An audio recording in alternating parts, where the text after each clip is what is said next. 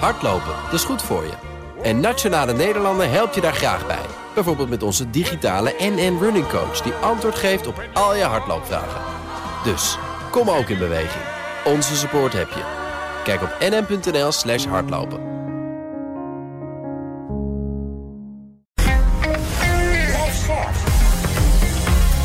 BNR Nieuwsradio.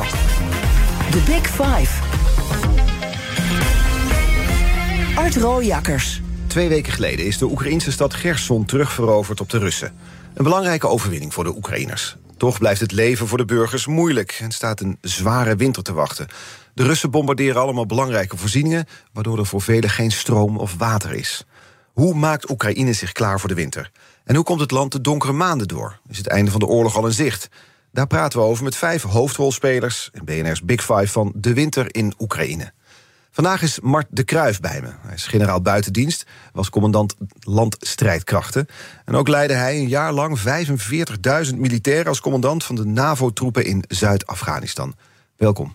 Dank je wel. Voordat we het gaan hebben over de winter in Oekraïne... mag je generaal eigenlijk tutoyeren? Ja hoor, mag zeker. Ja. Uh, wil ik dan graag twee dingen van je weten. Allereerst, Zelensky die zei... Uh, als we deze winter overleven, dan winnen we deze oorlog sowieso. Klopt dat? Ben je het ermee eens? Grote kans. Militair gezien is hij uh, gewoon beter dan de Russen. En dat zit vooral in het leiderschap en de motivatie. Dat is het verschil. Gaan ze de winter overleven? Denk het wel. Ik denk dat je uit alles blijkt dat de wil van Oekraïne om te overleven en stand te houden, dat die niet te breken is. En dus gaat Oekraïne, is dan de logische conclusie, deze oorlog winnen? Op de grond wel. De vraag is of hem ook politiek wint. Uiteindelijk zal deze oorlog geen winnaars kennen. Het moet aan de onderhandeltafel? Ja. ja, ik denk het wel. We komen erover te spreken. Tweede vraag die ik heb is... op welk moment het verloop van de, deze oorlog je het meest heeft verrast? Dat was in juli. Uh, toen zag ik, uh, wij noemen het dan het initiatief kantelen. Je zag tot dan moest Oekraïne reageren op wat de Russen deden. Toen kantelde dat. En de Russen moesten gaan reageren op wat Oekraïne deed. En toen zag je ze eigenlijk Oekraïne wapperen met de rode vlag bij Gerson. Wij, dan, wij gaan Gerson innemen, Rus sturen troepen daarheen... en ze breken door bij Kharkiv. Dat is echt een bewust plan, maar dat kan alleen maar als je dat initiatief hebt. Als je zorgt dat de Russen moeten reageren op wat jij doet. En eigenlijk is het nog steeds zo tot op de dag van vandaag.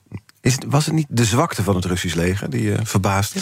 Ja, wat gek was, wat vroeger de sterkte was van het Russisch leger... dat plannen van die operaties en die in tijd een beetje in samenhang plannen...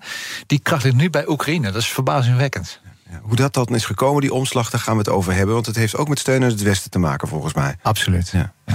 Voordat we nou diep dat winterse strijdtoneel induiken... want daar willen we het over hebben, de, de winter in Oekraïne. Wat zijn op dit moment de belangrijkste actuele ontwikkelingen in de oorlog? We horen veel over het plaatsje Bakhmut. Ja, je ziet op uh, hoog niveau, op politiek niveau... dat Poetin natuurlijk uh, vluchtelingenstromen op gang wil brengen... het energiesysteem platleggen en te zorgen dat de steun van het Westen... op termijn gaat afbrokkelen. Dat is wat Poetin wil. Zijn baas in Oekraïne, Surovikin, is eigenlijk bezig... met al zijn troepen te concentreren rond de Donbass. Want Poetin heeft gezegd, die gaan wij veroveren... dus de Russen concentreren zich daarop. En dat zijn eigenlijk militair gezien de twee dingen... die we nu komende tijd gaan zien. Maar eigenlijk moet je zeggen, Poetin speelt deze oorlog dus op tijd. He, eerst waar hij heel snel Oekraïne wilde veroveren, dat lukte niet. En hij denkt nu, nou ja, ik heb de tijd. Het Westen is moreel zwak, blijft niet ondersteunen.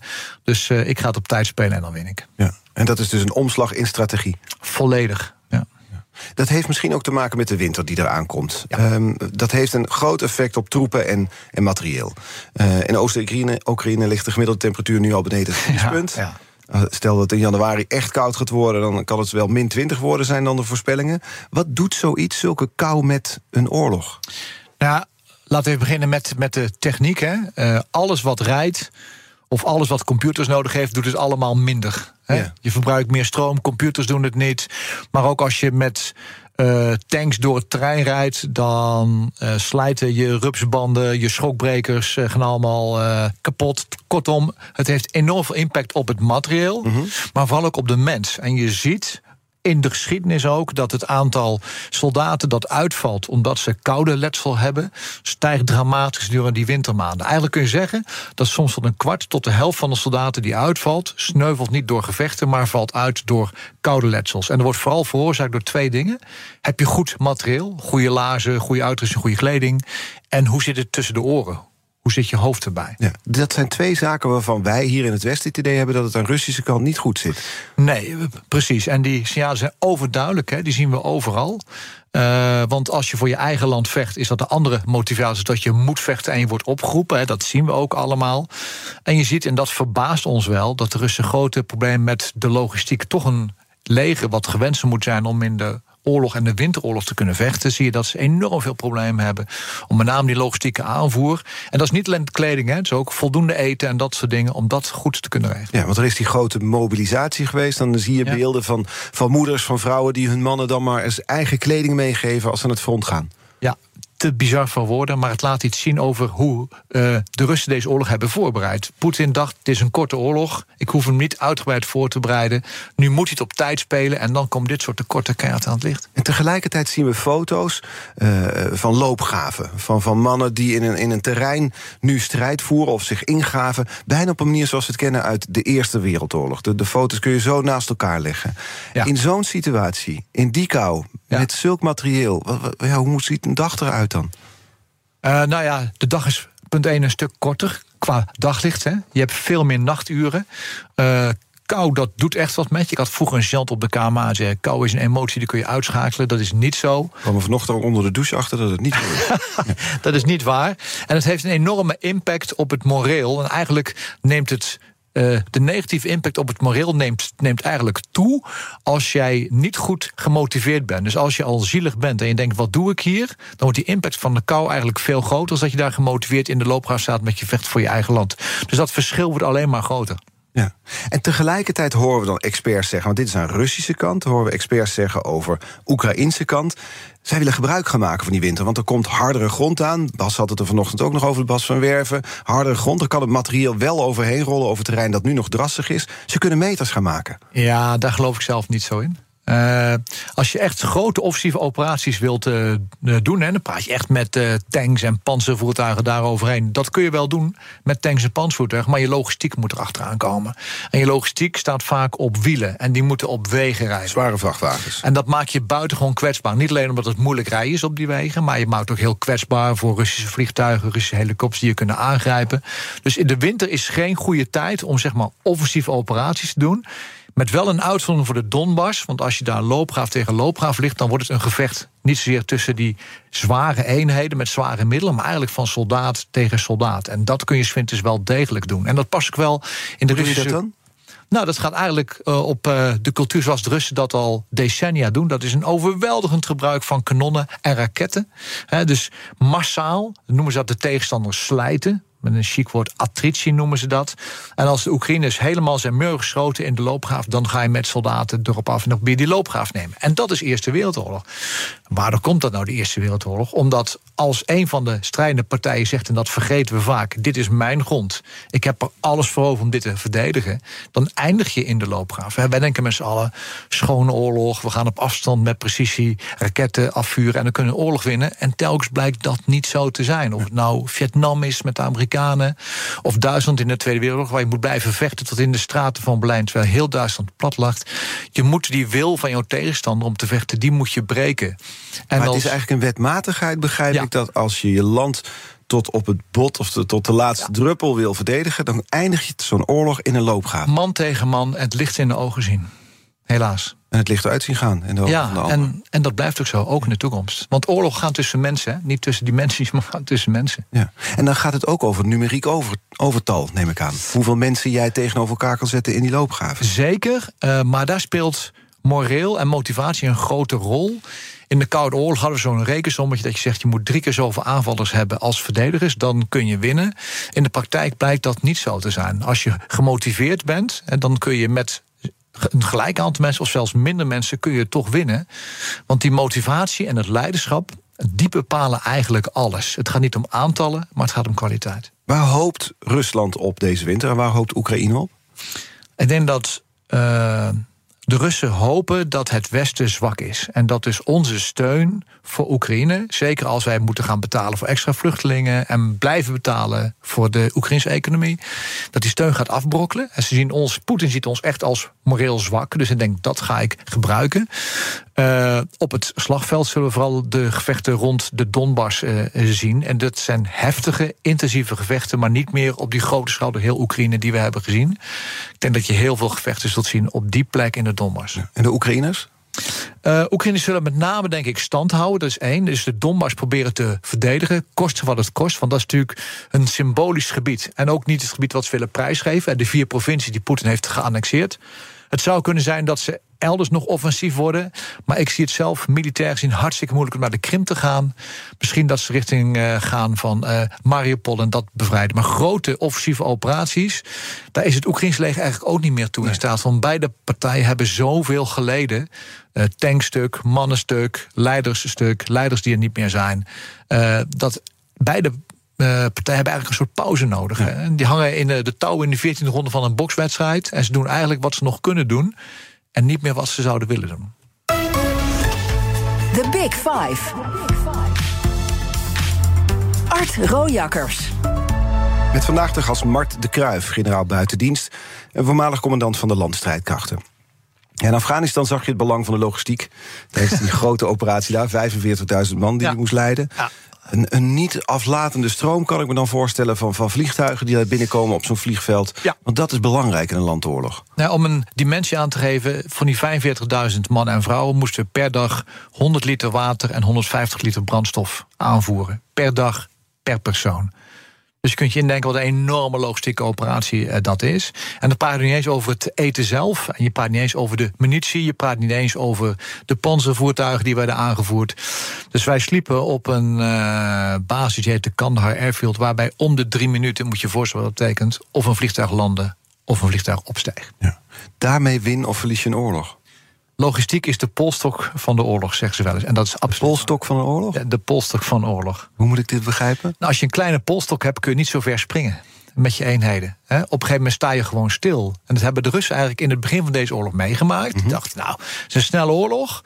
Dus logistiek, wij gaan onze eenheden verspreiden over een groot gebied. Dus logistiek verspreiden over een groot gebied.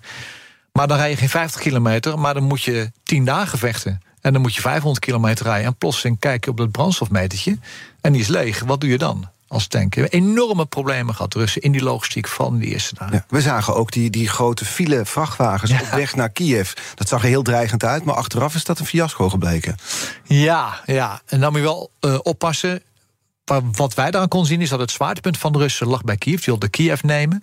Maar ook daar zag je dat het terrein moerassig, alleen via de wegen. Eigenlijk hetzelfde als de winter. Als je alleen over die wegen kunt verplaatsen, word je ontzettend kwetsbaar mhm. als logistiek. En dat is weer het nadeel van een gevecht in dat terrein. Hoe doen de Oekraïners het, logistiek gezien? Nou, ze, hebben één groot voordeel, en dat noemen we dan in vakterm, dat ze de binnenlijnen hebben. Dus de Russen moeten altijd buitenom, hè, omdat ze natuurlijk van buitenaf aanvallen.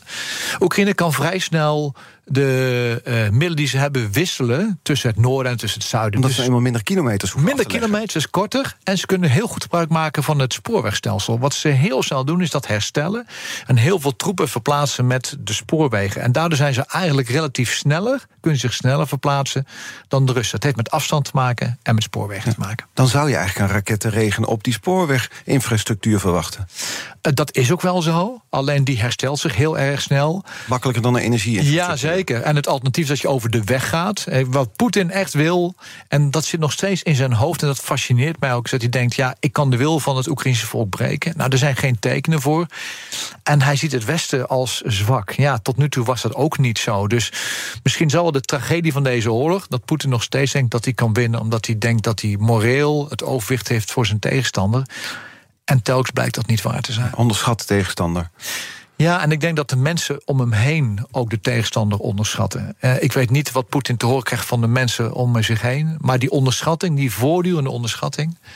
Dat is wel een rode draad in deze oorlog. Ja. En tegelijkertijd lees ik bijvoorbeeld een denktank, de Atlantic Council.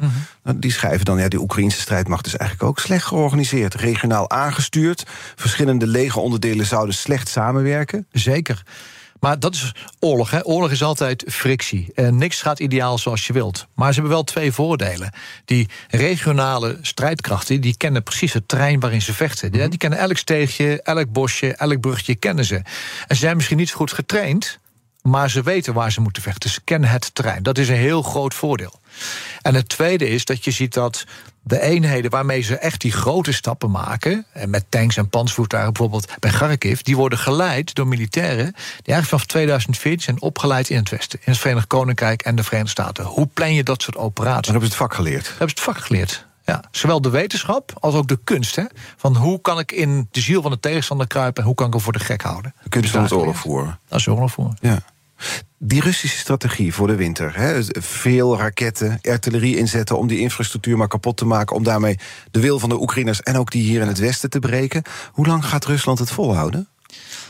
Ja, als ik die vraag zou beantwoorden, dan zou ik waarschijnlijk niet zitten. Maar je ziet wel in algemeen zin dat Rusland door de voorraden heen gaat. En dat heeft twee effecten. Ze zetten wapens in die minder nauwkeurig zijn. Dus de schade is groter, met name de nevenschade. Alleen het effect op de energieinfrastructuur wordt minder. Uh, en ze worden afhankelijk van het buitenland. Dus je ziet ze echt verwoede pogingen doen om raketten te kopen. In Iran bijvoorbeeld, om uh, microtechnologie te kopen. In Noord-Korea. Maar de vraag is of die aanvoer het verbruik uh, kan compenseren. En dat is echt eindig. Ze kunnen niet tot in het oneindige hiermee doorgaan. Nee, maar wanneer dan precies het einde is, dat is moeilijk te voorspellen. Dat is moeilijk te voorspellen. Het wordt een lange winter. Het wordt een hele lange en koude winter. Ja, ja. ja. In Afghanistan had je te maken, las ik ergens, met meer dan 200 raketinslagen en, en bermbommen. Klopt dat, het aantal? Nou, maar wat het namelijk doet met het moreel van militairen als het maar niet ophoudt. Je kan het vergelijken met zo'n rakettenregen. Ja, nee, het is, het is, of ook het moreel van burgers trouwens. Kijk, uh, bermbommen zijn natuurlijk vreselijk iets. Uh, want hebben een ontzettend effect. En overigens bij ons, met name bij de Afghaanse bevolking. Hè, de meeste slachtoffers van bermbommen waren Afghaanse vrouwen en kinderen die ook met een Volkswagen busje over de weg reden. Um, en om dat te zien is natuurlijk vreselijk. Maar uh, wij zagen wel in Afghanistan, als je in staat bent om het initiatief, daar komt weer, van de Taliban weg te halen. En dat konden wij met die extra mensen doen. Dat de Taliban moest gaan reageren op wat, wij, op wat wij deden. Dus werd het veiliger. Alleen de offers daarvoor zijn wel heel groot. Mm -hmm. uh, en dan moet je goed uh, beseffen. Het heeft uiteindelijk geleid tot uh, verkiezingen die redelijk goed waren. En ik zal nooit vergeten dat ik Afghanen zag die 24 uur in de rij stonden om te mogen stemmen. Nou, wij in de gemeenteraadsverkiezingen meer dan de helft stemt niet. Maar daar mochten ze stemmen. Het is natuurlijk wel pijnlijk dat we die oorlog hebben verloren. Dus geen ander woord voor. Omdat mm -hmm. met de staart tussen de benen zijn weggegaan. En dat doet iedereen die daar heeft verdient, denk ik, nog vreselijk pijn. Nog even terug naar die voorspelling waarvan je eerlijk zei... ja, ik, eh, als, dan had ik hier niet gezeten als ik kon zeggen... hoe lang Poetin of hoe lang Rusland dit volhoudt. Dat sluit eigenlijk mooi aan bij de kettingvraag die Bob Deen ja. stelt... Oost-Europa-deskundige bij Klingendaal. Hij was gisteren mijn gast en hij had deze vraag voor je. Ik denk dat we allemaal de, de slagkracht en de, moreel van de Oekraïnse strijdkrachten hebben onderschat. En dat van de Russische strijdkrachten hebben overschat. Uh, daar zijn wij niet de enige in hoor. Ik denk dat dat zelfs voor de Amerikanen uh, gold. Die Zelensky ook een, een uitweg wilde bieden. Hè, helemaal in het begin van die oorlog. Maar ik wou Martan vragen: wat kunnen we hiervan leren als analisten, als duiders? Welke informatie hadden we niet? Of wat hebben we verkeerd geïnterpreteerd? En wat kunnen we in de toekomst beter doen? Ah wij denken als we praten over de krijgsmacht heel veel in hardware. Hè? Hoeveel straaljagers hebben we, hoeveel tanks hebben we. En we denken dat we daarmee een oorlog kunnen winnen. En dat is hartstikke belangrijk. Dat is ook een randvoorwaarde. Maar als je naar de geschiedenis kijkt, als alles zo blijft, wordt de oorlog gewonnen door degene die de grootste offers wil brengen. En de onbreekbare wil heeft om te winnen. En dat onderschatten we voortdurend, ook in Nederland. Hè. Wij investeren heel veel in precisiewapens die op grote dracht heel precies uh, doelen kunnen uitschakelen. Dat is overigens volkomen terecht. Maar uiteindelijk eindig je in die loopgraaf één tegen één en moet je die wil breken. En dat is, dat, is, dat is nou precies wat we vaak vergeten.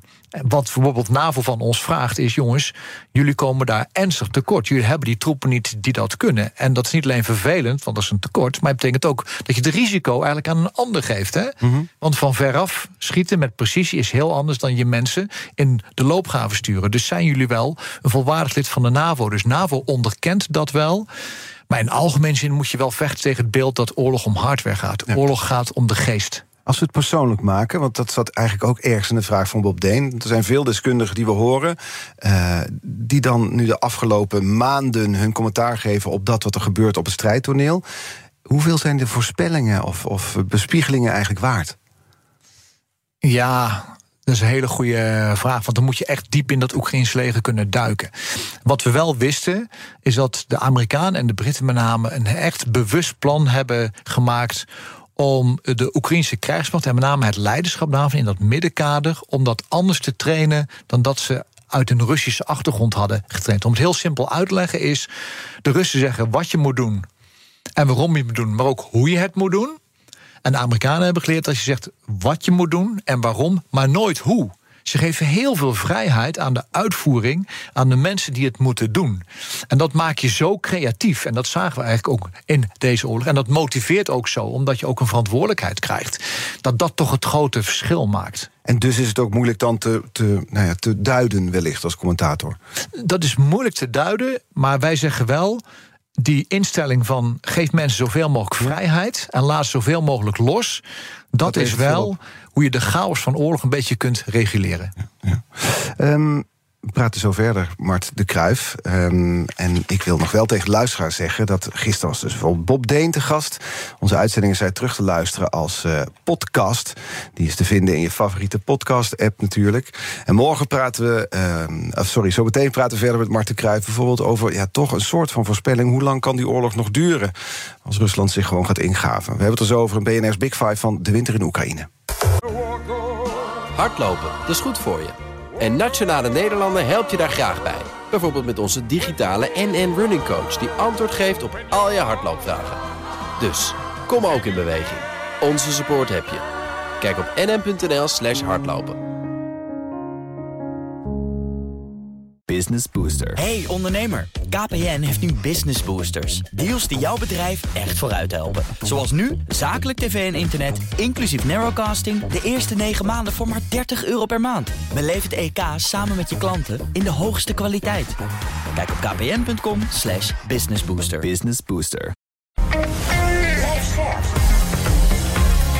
BNR Nieuwsradio. The Big Five. Art Rooijakkers. Welkom bij het tweede halfuur. Deze week vijf kopstukken uit de wereld van de winter in Oekraïne. Ja, kopstukken deskundigen. Eerder deze week sprak ik met Geert-Jan Haan, slavist... en Europa-verslaggever van BNR over de situatie in Oekraïne. Terug te luisteren via de BNR-app. Vandaag de gast Mark de Kruijf, generaal buitendienst... voormalig commandant der landstrijdkrachten. En komend half uur wil ik in ieder geval nog twee onderwerpen met je bespreken... namelijk de internationale samenwerking en toch nog eens inzoomen op die Russische strijdkrachten. Om met dat laatste te beginnen. We lezen er veel over, we horen er veel over. Ze zijn berucht, de Wagnergroep. Wat is het nou precies? Het is een soort vreemdelingenlegioen van Poetin. Je kunt er dus eigenlijk dienen als misdadiger, uh, noem maar op. Als je wordt geworven, dan kun je daarvoor vechten. En die knappen eigenlijk de vuile klussen voor Poetin op. Zijn de vuile klussen? Ja, dus zijn in Syrië ingezet om uh, burgers te bestoken, om uh, steden tot overgave te dwingen, om met het luchtwapen in te zetten. Uh, ze worden nu ingezet in Oekraïne.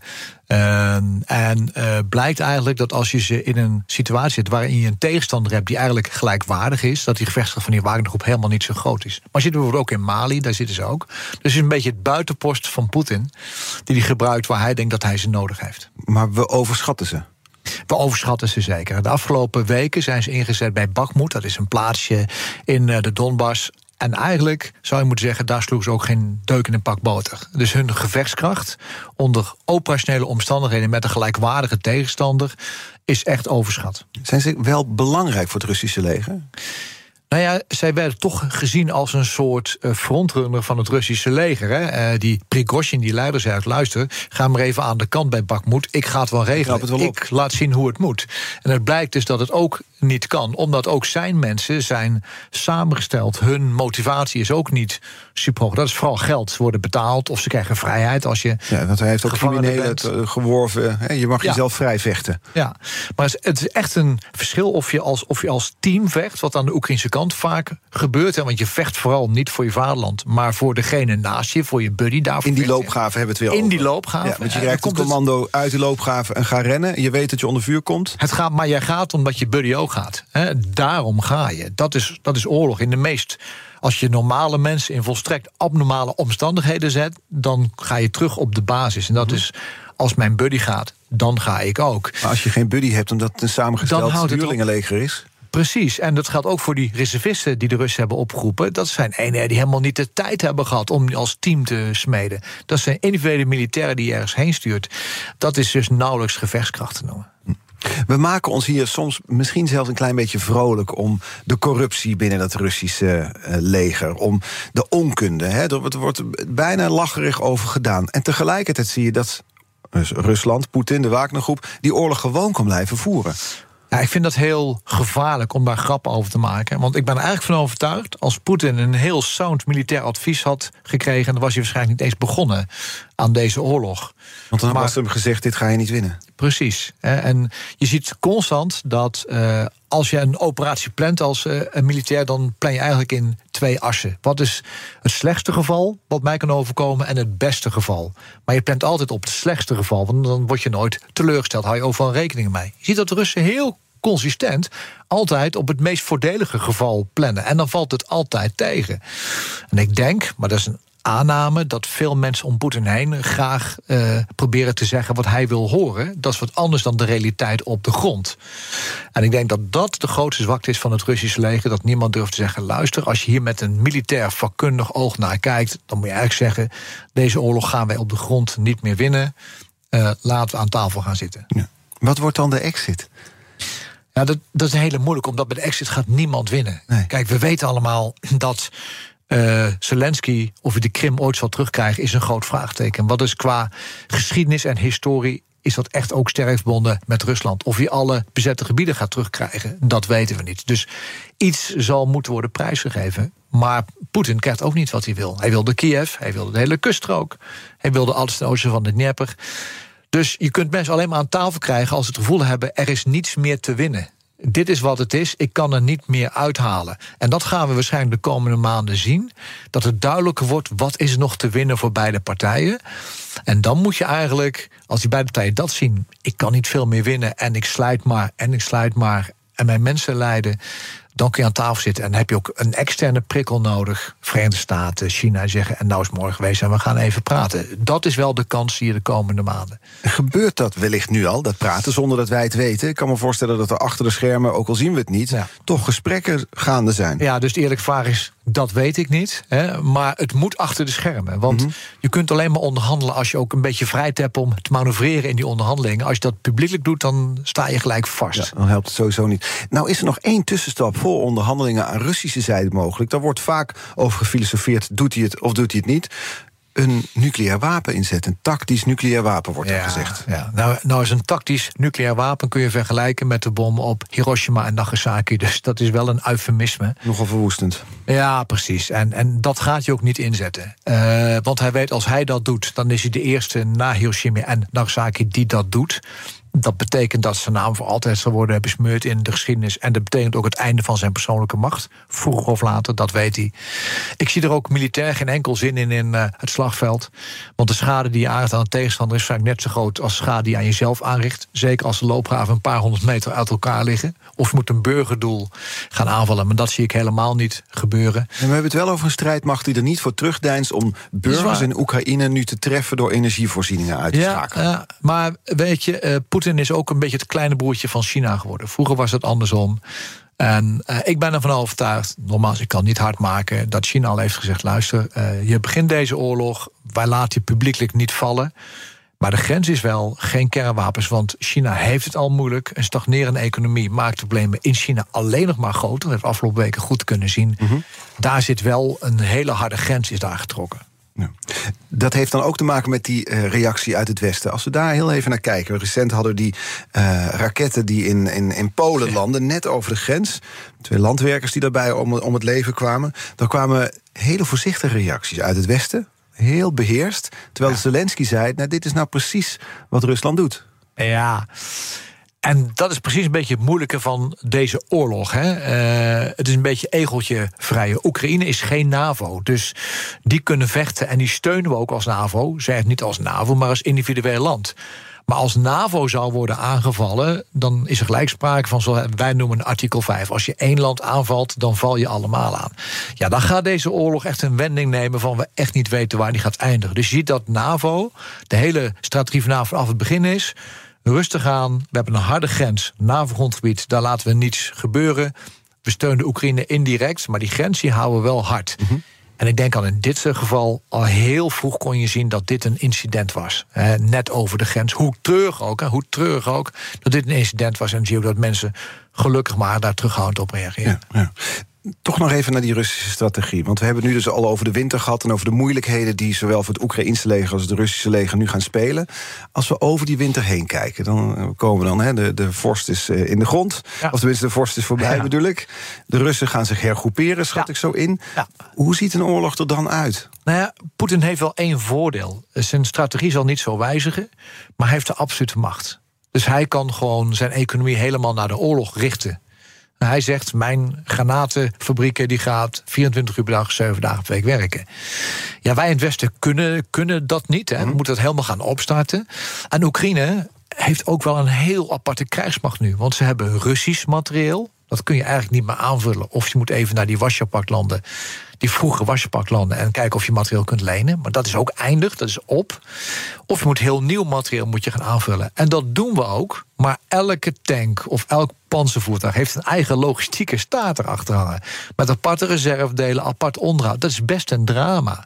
Dus het Oekraïns leger is niet zozeer bezig om meer wapens in te voeren. Maar hoe kun je in godsnaam in de lucht houden wat je al hebt? Stroomlijnen. Stroomlijnen. En hebben wij ook die granaatindustrie die 24 uur per dag, 7 dagen per week gaat werken? Anders, nee, die hebben we niet. Want de afgelopen 10 jaar hebben we in heel Europa, maar Nederland voorop al onze voorraden gewoon verkocht. Was niet meer nodig. Dus we kunnen nog twee dagen vechten. Ik hoorde een Belg gisteren zeggen: het Belgisch leger kan nog twee uur vechten als het nodig is. Wij zitten er tussenin. En dat is best wel pijnlijk om dat mee te maken, ook als soldaat. Hè, dat je de afgelopen tien jaar eigenlijk een krijgsmacht hebt gemaakt die niet meer kan voldoen aan de grondwet. En het gek is, we hebben een minister gehad, Bijleveld, heeft dat twee jaar terug gezegd. Het parlement in zich heel is verantwoordelijk voor die grondwet. Maar niemand sloeg erop aan. We gingen vrolijk verder. Dus op zich niet zo erg. Dan kun je zeggen dat is zorgwekkend. Maar nu worden we keihard geconfronteerd met de consequentie daarvan. Dat we niks meer op de schappen hebben liggen. En dat kan deze oorlog wel eens gaan beïnvloeden. Ja, en dat gaat het dan beïnvloeden omdat Rusland wel wat op de schappen kan blijven leggen door die oorlogsindustrie gaande te houden. Oekraïne heeft dus heel veel verschillende onderdelen, Ja. zowel Russisch als Westers. Ja. En op wat voor manier kan dat het beïnvloeden dan als we over die winter heen zijn? Dat je op een gegeven moment. duren allemaal. Ja, maar dat je echt ook door je voorraden heen bent. Dat je niet meer. Dat je wel de kanonnen hebt uit de Verenigde Staten, maar niet de granaten. En je kunt geen granaat, ook al is het dezelfde afmeting van het ene kanon in het andere kanon stoppen. Dat kan niet. Dan moet je allemaal testen. We hebben het ongeluk in Mali gezien met een mortierongeluk. Dus dat moet je heel zorgvuldig aanpakken. Dus dat is een van de redenen waarom Poetin denkt: op termijn kan ik wel winnen. Het is in zijn voordeel. het goede nieuws is, de, de Amerikanen kunnen heel veel. En als daar de industrie gaat draaien, dat weten we, dan gebeurt er echt wat. Maar Poetin ziet dit wel als een voordeel. En sterker nog, hij wijst eigenlijk naar ons... van wat zijn jullie dom geweest met afbouwen van je voorraden. En dat buit ik nu uit. Ja. Voor 2023, een jaar waarin wij als Westen nog veel meer betrokken gaan raken bij deze oorlog? Ik hoop het niet en ik denk het ook van niet. Ik denk dat deze oorlog uiteindelijk, met name door die slijtageslag aan beide kanten, die zal eh, langzamerhand aan intensiteit gaan afnemen. We weten niet hoe de positie van Poetin is. Dat is voor ons allemaal een vraagteken. Gaat Poetin het volhouden of niet? En ik denk als het Westen vastberaden blijft in haar steun aan Oekraïne, dat is echt cruciaal. Dan versnelt het moment waarop Poetin zegt: nu is het genoeg. Dus we hebben het ook voor een gedeelte zelf in de hand. Hardlopen, dat is goed voor je. En Nationale Nederlanden helpt je daar graag bij. Bijvoorbeeld met onze digitale NN Running Coach... die antwoord geeft op al je hardloopvragen. Dus, kom ook in beweging. Onze support heb je. Kijk op nn.nl slash hardlopen. Business Booster. Hey ondernemer, KPN heeft nu Business Boosters. Deals die jouw bedrijf echt vooruit helpen. Zoals nu, zakelijk tv en internet, inclusief narrowcasting... de eerste 9 maanden voor maar 30 euro per maand. Beleef het EK samen met je klanten in de hoogste kwaliteit. Kijk op kpn.com slash businessbooster. Business Booster. BNR Nieuwsradio. The Big Five. Art Rojakkers. Je luistert naar BNR's Big Five van de winter in Oekraïne. Later deze week spreek ik nog met Niels van Woensel... voorzitter van de Nederlandse Officierenvereniging. Vandaag de gast Marten Kruijf, generaal buitendienst... voormalig commandant der landstrijdkrachten. Ehm, We hadden het over dus 2023, die betrokkenheid vanuit het Westen. Ook het feit dat Poetin op een tijdsas opereert. Dat tijd in zekere zin aan zijn zijde is. Er wordt ook gezegd, Poetin kan zich helemaal niet meer permitteren te stoppen. Hij moet door met deze oorlog. Zie je dat ook zo? Nou ja, hij moet door in deze oorlog omdat hij zijn verlies niet kan toegeven. En feitelijk heeft hij op land verloren. Dat is de situatie zoals het nu is. Uh, maar wat we niet weten is hoe sterk staat Poetin intern en wat voor druk heeft hij intern. Al die mensen om hem heen, als die die bezittingen zien afnemen. En er zijn heel veel berichten afgelopen weken dat de sancties wel degelijk werken. Ja, dan krijgt hij ook druk van binnenuit. we hadden het helemaal aan het begin van dit uur over het feit dat in juli jij verbaasd was over eigenlijk hoe het slagveld veranderde. Hoe het initiatief naar Oekraïne toeviel. Tot dan toe moest Oekraïne reageren op Rusland. Daarna moest Rusland reageren op Oekraïne. Zouden we volgend voorjaar zoiets kunnen zien, maar dan de andere kant op dat Rusland ons verbaast? Uh, dat zou kunnen, want Rusland heeft natuurlijk wel een historie van snel kunnen aanpassen. Als we kijken naar de Tweede Wereldoorlog, hoe snel ze daar hebben geleerd. Maar um, ik denk dat de kwaliteit van het Russische leger, en met name het leiderschap van het Russische leger, en de, zeg maar, de aard waarop deze oorlog wordt gezien in Rusland zelf. Niet de grote vaderlandse oorlog in de jaren 40 toen Rusland werd aangevallen. Maar een oorlog om een ander land te knechten. Wat toch wordt gezien door veel Russen als een buurland. Met min of meer. Zelfs. Eh, precies. Ja, dat krijg je niet gedraaid. En Poetin blijft in de achterstand als je praat over die motivatie en het leiderschap. Dat gaat hij niet fixen. Dus ergens zal deze oorlog daarom ook voor hem eindig zijn. De VS is toch ook partij in deze oorlog. Hè? Spenderen tientallen miljarden dollars aan Oekraïne. Maar goed, de, volgens mij de voltallige defensiebegroting daar is... wat is het, 800 miljard per ja, jaar? Ja, is even meer dan bij ons. Ja. Die kunnen wel even doorgaan dus. Ja, ja, uh, ja uh, en nee, want uh, het is vooral ook de economische steun. De militaire steun is natuurlijk groot, dat is miljarden per maand. Maar ze moeten vooral ook de economie overeind houden van Oekraïne. Dat betekent dat je eigenlijk 10 miljard, wij als Westen, 10 miljard per maand moeten bijdragen om de economie draaiend te houden. Dat is best wel veel. En dat is natuurlijk waar Poetin denkt: wacht even, jongens, als het om geld gaat, daar kan ik winnen. Wat heel Want hij geeft, wat is het, volgens mij volgend jaar ook ruim 80 miljard ja, dollar uit, hè, defensie. En we betalen nog uh, steeds aan hem. Het is wel heel opvallend, bijvoorbeeld een land als Duitsland... dat bondskanselier Scholz zegt... nee, wij blijven steunen hoe lang het ook duurt. En dat is wel opvallend. Eigenlijk is de zwakste schakel is Europa in deze. Als Europa, en met name met Duitsland als, als, als leidend land... wat eigenlijk nooit was, maar nu wel... die vastberadenheid blijft tonen... ja, dat zal uiteindelijk wel van invloed zijn op de duur van deze oorlog. Ja. Ze moeten dat ook wel blijven zeggen, toch? We blijven steunen, we blijven steunen. Zeker, maar ze, maar ze doen het ook. Ik bedoel, even terug. De eerste week van de oorlog, dat Duitsland zei... wij gaan ons defensiebudget structureel verhogen naar 2%... en we gaan 100 miljard investeren. Mhm. Dat is volgens mij de slechtste nacht van Poetin geweest. Naast het feit dat Zweden en Finland dan naar de NAVO kwamen... dat is een slechte nacht. Dat had hij volgens mij nooit verwacht. Nee. Het feit dat Duitsland eigenlijk erbij betrokken raakt op die manier. In ieder geval niet zei, we, dit, dit gaat ons niet aan. Ja, maar eigenlijk plotseling van een heel terughoudende, verbindende rol binnen Europa naar een leiderschapsrol op veiligheidsgebied naar Europa gaat. Ja, dat had eigenlijk niemand verwacht. Nee, dus cynisch gezegd heeft Poetin wat dat betreft Europa verenigd. Hij heeft een uh, slapend Duitsland wakker gekust, zei iemand tegen mij. Ja, ja. Um, naar Amerika toe daar las ik ergens dat de hoofd van de Joint Chiefs of Staff, eh, Mark Milley, Mark Milley ja, persoonlijk of niet? Die zei dat deze winter onderhandeld kan gaan worden. Ja, daar heeft hij ook helemaal gelijk in. Ik denk dat die, die min of meer stilmeet. Ik zeg niet dat er een wapenpauze komt, maar geografisch zal niet veel gebeuren. Dat de gelegenheid is voor beide partijen om te gaan praten, is hier volkomen gelijk in. Ja. Maar gaat het ook gebeuren dan? Ja, nogmaals, dat zien wij niet. Nee, je hebt geen glazen bol voor je. Ik dat zie zien we niet. Maar die prijs aan beide kanten is wel heel, heel erg hoog. Ook aan de Russische kant. En de vraag is, als je 300.000 mensen hebt opgeroepen... en een heleboel komen niet thuis of komen anders thuis... hoe beïnvloedt dat Poetin? Mm -hmm. En dat is wat we nu ook zien gebeuren? Of is het een ingegraven conflict waarbij mensen tegen elkaar over zitten... zonder dat er strijd wordt geleverd in die loopgraven? Nee, er wordt wel degelijk strijd geleverd in die loopgraven. Dat zien we elke dag nog. En dat is weer een beetje het dilemma waarin Poetin zit. Hij moet vooruitgang laten zien. Hij heeft zich gecommitteerd aan het veroveren van die Donbass. Hij heeft nieuwe commandanten aangesteld. Dus hij zal er alles doen om die Donbass te veroveren. Die kans daarop acht ik klein. En hopelijk komt dat het inzicht van... nou jongens, ik kan er alles in gooien. Ik kan er zoveel massa in gooien dat ik wil. Ik kom echt niet veel verder. Mm -hmm. Dat is men om te gaan praten. Maar het gaat nu echt, het gaat eigenlijk bijna letterlijk om meters dus. Meters. Per dag. Ja, zeker. Ja. En dat zie je ook. In het trein gaat echt om meters. Dus die hele grote beweging die we aan het begin van de oorlog zagen. Eigenlijk is oorlog heel klein geworden. Nog steeds intensief. Maar op een aantal honderden vierkante kilometers, daar gaat die oorlog nu om.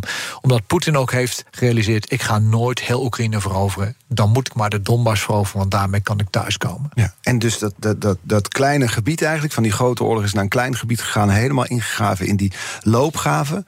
Als we daarop inzoomen, dat is eigenlijk waar het de komende weken, maanden in die oorlog, daar gaat het gebeuren. Ja, in militair opzicht hè, gaan we dat daar zien. Echt een gevecht tussen mannen met een rugzak, maar 42 breed en een helm. Die loopt de koukluim in de loopgraven. Ja. Daar gaat het gevecht om. En dan af en toe in de nacht de opdracht krijgen en nu uh, eruit en naar de overkant. Ja.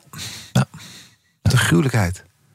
Ja, maar oorlog is gruwelijk. Dat vergeten we. En dat is ook wel het pijnlijke aan dit conflict. Hè. Wij hebben natuurlijk met z'n allen tien jaar terug afschrikking afgezworen. Was niet meer belangrijk, hoefden we niet meer te doen. En eigenlijk zagen we vijf jaar terug al dat dat niet meer gold. En het pijnlijk is, ik heb het al vaker gezegd, als we vijf jaar geleden tegen Poetin hadden gezegd: we weten wat je wilt met Oekraïne, mag geen NATO-status hebben. En je weet, en je wil het waarschijnlijk binnenvallen en onder controle brengen. Nou, er zijn twee opties. We gaan met elkaar praten. Of we maken een deal en een langdurige economische band met elkaar. Of je valt Oekraïne binnen en we maken je helemaal kapot. Zeg maar wat je wilt. Mhm. Dat hebben we niet gedaan. We hebben afschrikking afgezworen. En die prijs wordt betaald door het Oekraïense volk. Dat vergeten we wel eens. Ja. Want dat is het pijnlijke aan dit conflict. Want dan wordt er ook wel eens gezegd: dit is niet onze oorlog, hoor je mensen zeggen. Waarom moeten wij die hoge energieprijzen betalen? Omdat Oekraïne in oorlog is met Rusland. Maar eigenlijk, zoals je het nu stelt, is het onze oorlog. Wij zijn geen schuld aan deze oorlog, maar we hebben hem wel voor een gedeelte mogelijk gemaakt. Ja, doordat we te laat hebben ingegrepen. Te laat ingrepen en Poetin zag ons als zwak, hè? ook in Kabul. Hij heeft gezegd: Nou, Westen is zwak, Biden is zwak, Europa kan niks. Als ik wat moet doen, dan moet ik dat nu doen. Ja. Soms klinkt het bijna alsof je een gezelschapsspel speelt. Het is niet gezellig, maar je een bordspel Ja. speelt met een paar heethoofden en een paar koppige mannen. En, die, en dat gebeurt alleen op wereldwijd niveau, het strijdtoneel. Ja, maar dat is niet zoals ik erin zit. Af en toe rijd ik naar huis en denk ik: jongens, je kunt je voorstellen wat daar gebeurt. Hè? Wat luchtdruk doet met een soldaat. Hoe je trommelvliezen barsten. Als je ziet wat voor wonden er komen, denk je: ja, jongens. We moeten even heel goed nadenken hoe deze oorlog is gekomen. En we moeten verder kijken dan. Nou, we stoppen vijf minuten extra bij Defensie. We moeten met z'n allen, ook Nederland, heel goed in de spiegel kijken. Wat hebben wij nou gedaan om deze oorlog te voorkomen? Of wat hebben we gedaan om deze oorlog juist aan te wakkeren? Aan die evaluatie, gewoon goed in de spiegel kijken, die mis ik echt tot vandaag de dag. Ja. Dat, dat abstracte denkniveau, wat we eigenlijk het afgelopen uren ook hebben gedaan, daarbij vergeet je bijna het leed dat er dus in die loopgraven geleden wordt. Ja. Ja. Ja. Op wat voor manier heeft het jou dat dan? Je zegt het ook vanwege je eigen ervaring in Afghanistan, kan ik me Zeker, voorstellen. zeker. Want je wil dat offers die worden gebracht nooit voor niks zijn. Dat wil niet zeggen dat je een oorlog moet winnen, maar je vecht waar je voor staat. Ik vraag me eens af waar wij in het Westen dan voor staan. Waar staan wij met z'n allen voor? En als je niet weet waar je voor staat, maakt je dat uitermate kwetsbaar. Wat zou het antwoord daarop moeten zijn dan? Nou ja, ehm, wat is de rol van Europa in eh, deze wereld? Terwijl je ziet dat China en de Verenigde Staten bezig zijn om elkaar te concurreren, om te zorgen dat ze toegang tot grondstoffen hebben. Nou, we hebben geen buitenlands beleid in Europa, we hebben geen veiligheidsbeleid, we hebben heel weinig grondstoffen, we hebben heel weinig maakindustrie. Eh, de vraag is, kunnen we dat blijven volhouden? Kunnen we ook onze wereld, onze veilige wereld, doorgeven aan onze kinderen en kleinkinderen? En dat zijn de diepere vragen die hier aan ten grondslag liggen. Ja. Ook sommige stellende vragen volgens mij. Sorry? Dat zijn ook vragen die somber stemmen. Ja, die stemmen ook somber. Maar aan de andere kant zie je ook dat we heel veel kunnen. Ik bedoel, het goede nieuws is... we leven 80 jaar in vrede in Europa... omdat we natuurlijk na de Tweede Wereldoorlog... gelukkig mensen hadden die over een schaduw sprongen. Al- Als Schumann, Monet, Adenauer. En die zeiden, luister jongens... als wij in Europa blijven vechten... hebben we straks een Derde Wereldoorlog en geen Europa meer. Het wachten is op die mensen die over een schaduw springen... en zeggen, we gaan die kant op met Op een Europa. dergelijk moment zitten we nu ook in dit geschiedenis. Absoluut. Dank, Marten Kruijf, voor dit informatieve uur. Generaal buitendienst, voormalig commandant landstrijdkrachten. Ehm, de kettingvraag, was ik De bijna ketting- vergeten. Ja, Nee, nee. moeten we heel kort en bondig doen. Laura Ik zal het Staring, heel kort voormalig Rusland-correspondent voor NRC Media. Beste Laura, wat, wat leuk met jou even te spreken. Mijn enige vraag is: wanneer dondert het bewind van Poetin in elkaar? Hele korte vraag, dank daarvoor.